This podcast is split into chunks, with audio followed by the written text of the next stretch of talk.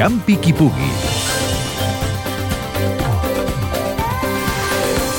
Ara que la calor apreta, és molt habitual que en diferents poblacions catalanes es facin caminades nocturnes.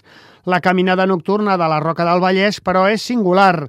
Li diuen la nit de les bruixes i durant el recorregut els participants es troben amb tota classe de paranys i ensurts que donen emoció als 7 quilòmetres i mig.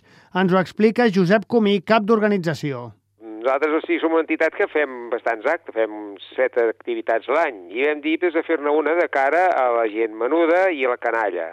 És un passeig que es passa pel d'això i després eh, eh, tenim molta gent que col·labora, es disfracen de, de, de bruixots, mm, tot relacionat amb, amb, amb les bruixes, i van espantant a la gent.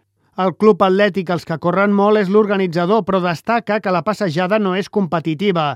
L'important és divertir-se i endur-se'n algun ensurt. Els estels i la lluna hi col·laboren. Es fa a la nit, se surt a les 10 de la nit, es fa la volta, o sigui, 7, 7 quilòmetres i mig, al voltant de la roca, per això es ve, ens ve molta canalla, i després, quan acaben, amb, amb un, al pati de l'escola de Sant Jordi, doncs allà els hi donem un bocat amb de botifarra i gelat, i fem una miqueta de festa allà. L'any passat s'hi van inscriure 1.400 persones, però enguany l'organització creu que arribaran als 1.700. La vessant esportiva de la nit de les bruixes radica en que la travessa es fa en zona muntanyosa i els 7.500 metres de circuit reclamen una bona preparació. És una miqueta muntanyós. O sigui, bueno, hi ha un desnivell de 150 metres i després es baixa per un carriol de bosc, així fosc, que saps, tenebrós a la nit. Tot plegat, una bona manera de fer exercici i aprofitar la fresca de la nit.